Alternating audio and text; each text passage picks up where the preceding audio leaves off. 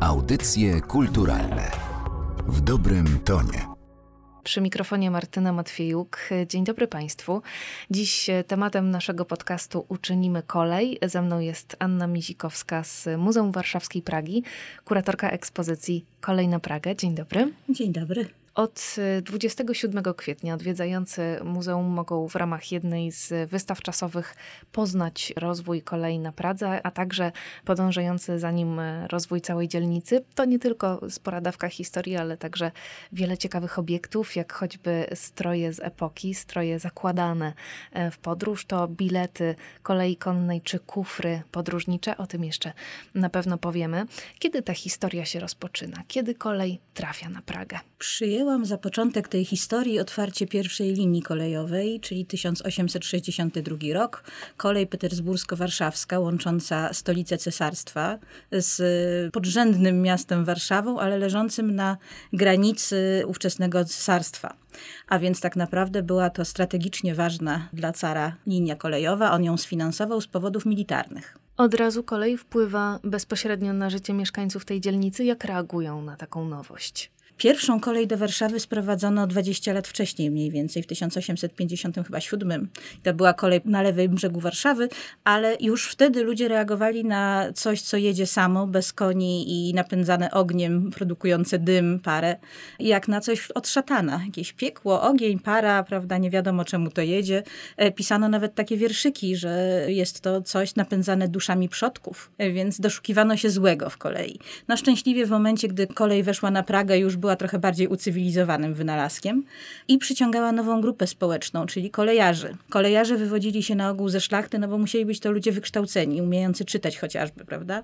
E, w związku z tym pierwsi kolejarze wywodzili się ze szlachty, na ogół byli e, nieźle wykształceni, jeszcze powstawały szkoły kolejowe, w związku z tym tam też uczono tych kolejarzy i no, osiedlali się w okolicy stacji kolejowych, torów kolejowych, warsztatów. W związku z tym natychmiast zaczęła się zmieniać również Praga w momencie, gdy zaczęła się zmieniać okolica dworca. Czy to był dobry zawód, bycie kolejarzem pod koniec XIX, na początku XX Bardzo prestiżowy. Ja się śmieję, ponieważ moich dwóch prapradziadków było wysokimi urzędnikami kolejowymi, ale w Lwowie, niestety nie w Warszawie. Ale tak, to był prestiżowy zawód i on był dość dobrze płatny.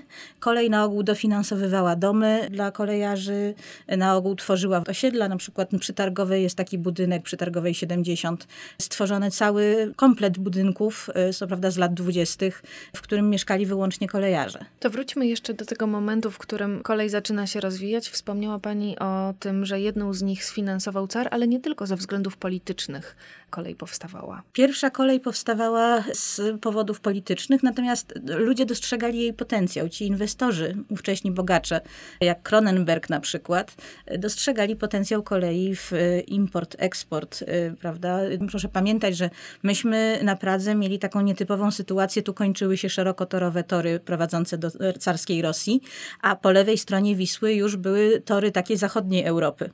W związku z tym w momencie powstania trzeciej linii kolejowej, czyli linii obwodowej nadwiślańskiej, zaczęliśmy łączyć to, co przyjeżdżało z Mławy, z zaboru pruskiego, przyjeżdżało do carskiej Rosji. Byliśmy takim węzłem przeładunkowym. No to stwarza ogromne możliwości finansowe. Kolej Terespolska, która powstała w 1866 roku wyłącznie z pobudek finansowych tak naprawdę, Kronenberg i Bloch, dwaj bankierzy, inwestorzy, e, dostrzegli jej potencjał, namówili, pozyskali zgody, oni ją założyli dlatego, żeby importować z Rosji bogactwa naturalne przede wszystkim, a eksportować wszystkie takie rzeczy, których Rosja nie potrafiła wytworzyć, czyli na przykład maszyny rolnicze, dobrze przetopioną stal jakieś wytwory ze stali. Na początku istnienia kolei na Pradze powstała stalownia praska. Do dzisiaj stoją niektóre budynki z tej stalowni. Ona zasłynęła tym, że przez 10 lat y, w 1870 latach produkowała 90 parę procent wszystkich torów, które leżały nie tylko na w Królestwie Polskim, ale również w carskiej Rosji. Proszę sobie wyobrazić, ile tego było. Mhm. To jest taki typowy przykład e, tego sukcesu fabryki związanej z koleją. Ponieważ kolej bardzo szybko dostarczała towary, łatwiej było dostarczyć towar, łatwiej było wyeksportować towar, łatwiej było dostarczyć węgiel. W związku z tym wokół kolei zaczęły powstawać fabryki. E, na praskim brzegu tych fabryk powstawało coraz więcej. Te największe miały później bocznice kolejowe, które doprowadzały bezpośrednio pociągi do fabryki, więc to też wpływało na zmianę obrazu warszawskiej Pragi. Można zatem powiedzieć, że ten praski węzeł kolejowy miał bardzo duże znaczenie dla całej tej części Europy, w której jesteśmy. W pewnym momencie na pewno, tak. Ogromny, mam nadzieję, że w przyszłości też tak będzie, no bo najnowsze plany kolejowe mówią właśnie o czymś takim.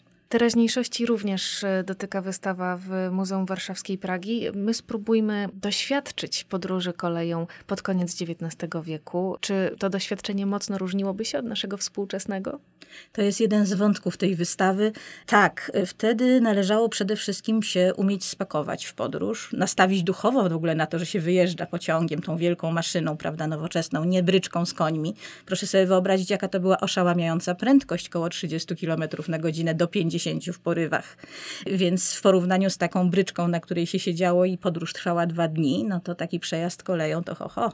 Więc trzeba było pokonać ten strach w sobie, po czym należało się spakować. Mówimy na wystawie o tym, jak należało się ubierać w podróż. Kobiece czasopisma poświęcały bardzo dużo miejsca temu, jak powinna wyglądać suknia, jak ma być skrojona, z jakiego materiału się nadaje, żeby się nie gniotła, żeby nie sprawiała problemów w podróży, żeby była raczej ciemniejsza, żeby się nie ubrudziła od sadzy mówi o tym, czego nie brać w podróż, jaki kapelusz wypada, jakiego nie, czy wypada mieć rękawiczki, czy nie należy mieć rękawiczek, jak zapakować wszystkie swoje rzeczy. Na wystawie prezentujemy moje ulubione eksponaty. Udało nam się zgromadzić trzy kufry należące do rodziny Juliana Różyckiego, czyli mhm. tego założyciela bazaru Różyckiego, oraz jedną ogromną skrzynię podróżną należącą do rodziny Geberów, którzy mieli pralnię i farbiarnię na kamionku. W związku z tym są to takie bardzo praskie obiekty. W tej dużej skrzyni spokojnie zmieściły zmieściłyby się cztery dorosłe osoby bez specjalnego wysiłku.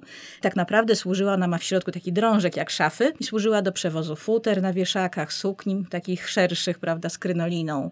Te mniejsze kufry też spokojnie pomieściłyby co najmniej dwójkę dzieci. Były w trzech rozmiarach i do tego jeszcze dochodzi pudło na kapelusze, bo oczywiście nawet mężczyźni mieli kapelusze, które trzeba było przewozić w pudle, więc dużo czasu poświęcano na to, żeby to spakować. Na pewno trzeba wziąć tragarza, bo nikt nie przeniesie takiego pudła sam. I były specjalne wagony, do których pakowano bagaże, więc panna, która zjawiała się, pani, która zjawiała się na dworcu, z całą pewnością tego bagażu nie przynosiła sama. No i w pewnym momencie docierano na dworzec. Z tym dotarciem na dworzec też było różnie, bo nie udało się doprowadzić do końca trasy, która miała łączyć dworzec wiedeński na lewym brzegu Wisły z dworcem petersburskim na prawym brzegu Wisły i w tym miejscu powstały pierwsze tramwaje konne, takie powiązane właśnie z tą koleją, specjalnie po to, żeby dowozić pasażerów z lewego brzegu brzegu na stronę praską. Więc można było podróżować tym tramwajem. Na wystawie pokazujemy, jak ten tramwaj wyglądał. Proszę sobie wyobrazić, że on na górze ma takie ławeczki, na których się siedziało na dachu. Ja sobie nie wyobrażam, nie miałabym odwagi, ale widocznie ktoś wchodził po drabinie i siadał na dachu tego tramwaju.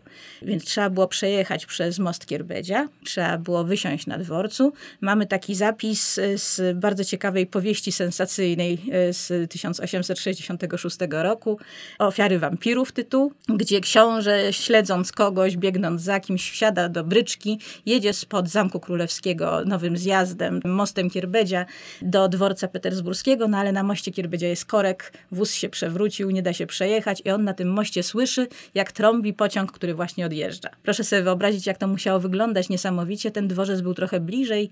Jest takie zdjęcie Brandla z wieży Zamku Królewskiego, na którym widać, gdzie ten dworzec był. Jak patrzymy ze strony Zamku Królewskiego, widać cerkiew i w zasadzie tuż za cerkwią widać bok tego dworca. On był po tej stronie co cerkiew, mniej więcej w tym miejscu, gdzie w tej chwili jest dyrekcja kolei państwowych. Więc troszeczkę się ta lokalizacja dworców zmienia w czasie.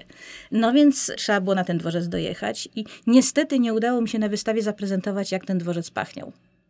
Natomiast to musiało być niezwykłe zjawisko, bo proszę sobie uświadomić, że tak, same pociągi parowe pachniały. To była przecież sadza, to była para wodna, palony ogień, to był olej, którym tłuszczono osie. Ludzie na dworcu na pewno pachnieli, ponieważ były to trzy klasy podróżujących, a więc mamy ryciny, na których widać poczekalnie trzeciej klasy, w którym na pewno był straszny zaduch i, i straszny aromat, ale też ludzie wyciągali swoje futra ze skrzyni, żeby gdzieś pojechać, prawda? Więc te futra futra na pewno pachniały naftaliną. Proszę sobie wyobrazić, jak taki dworzec pachniał.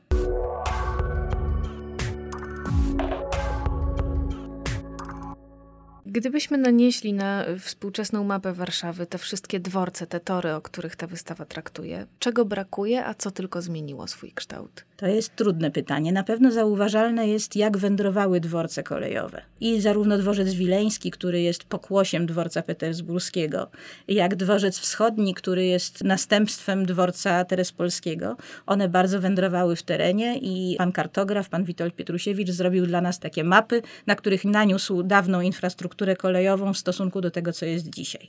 Różnią się również przebiegi torów. Na przykład wybudowanie trasy WZ, czyli Alei Solidarności, spowodowało, że wszystkie tory kolei petersburskiej musiały się przesunąć tam, gdzie kiedyś były tory albo bocznicowe, albo towarowe. W każdym razie te pasażerskie dzisiejsze to są dawne tory kolei petersburskiej, ale nie te główne. Widać, jak rozwijały się dzielnice i jak ginęły dzielnice. Dzielnica Nowe Brudno, która powstawała wokół kolei nadwiślańskiej i to była taka dzielnica typowo kolejarska. Ona się składała z drewnianych domków, z kurników, ptaszarni, tego typu rzeczy. W zasadzie nie ma już prawie nic po tym żadnego śladu, no ale w tym miejscu stoją bloki, których pewnie by tam nie było, gdyby nie ta kolej. Co się zmienia? Zarys całej Pragi jest podzielony torami kolejowymi. Grochów, Brudno są oddzielone, Praga Południe od Pragi Północ jest oddzielona.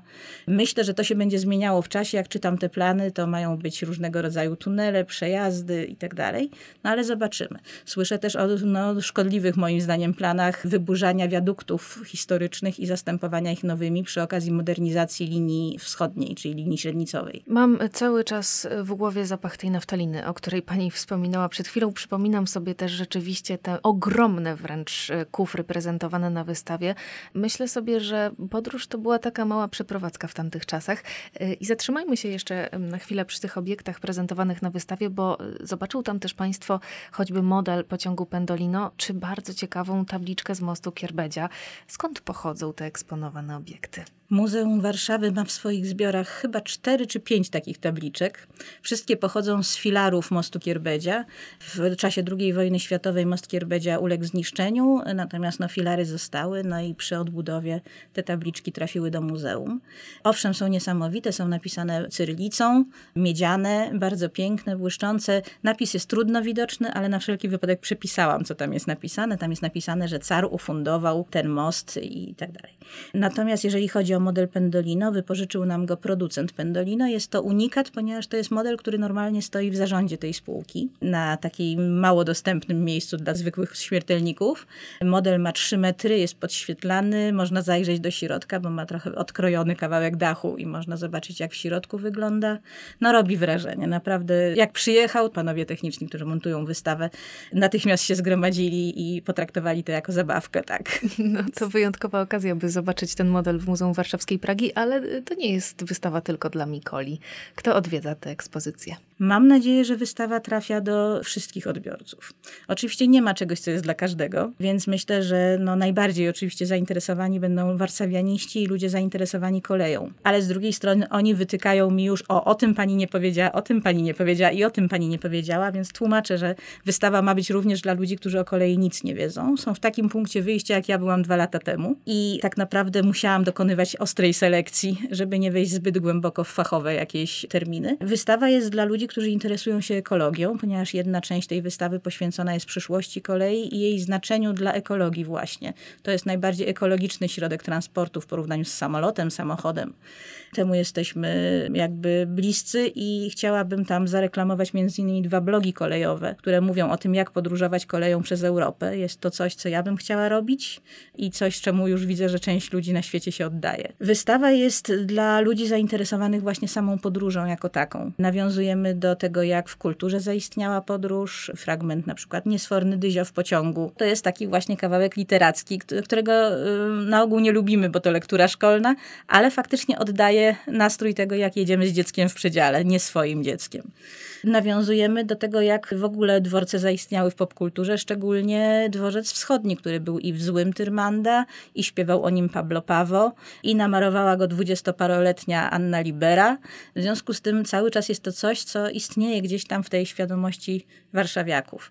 Wystawa może również być interesująca dla dzieci, choć nie była dla dzieci tworzona. Myślę, że dzieci przykują tutaj trzy modele pociągów, właśnie pendolino, dwóch lokomotyw parowych, wąskotorowej i takiej przemysłowej typowo i malutkie kolejki Pico, które jeżdżą po stole przed wejściem do wystawy. Myślę, że dla dzieci może być interesujący mundur kolejarza, w zasadzie inżyniera kolejnictwa linii petersburskiej, czy suknia pani, która podróżowała, czy te skrzynie właśnie podróżne. Więc mam nadzieję, że wielu ludzi zainteresuje ta wystawa. Ekspozycję mogą Państwo zobaczyć w Muzeum Warszawskiej Pragi do 15 października. Przy okazji zapraszamy też na weekend modelarski, a także do zagrania w grę terenową e, w ramach aplikacji Geocaching. No myślę, że to jest bardzo ciekawy sposób e, odkrywania nie tylko historii kolei, ale przede wszystkim historii Pragi. Anna Mizikowska z Muzeum Warszawskiej Pragi była dziś moim gościem. Bardzo dziękuję. Dziękuję. Audycje kulturalne w dobrym tonie.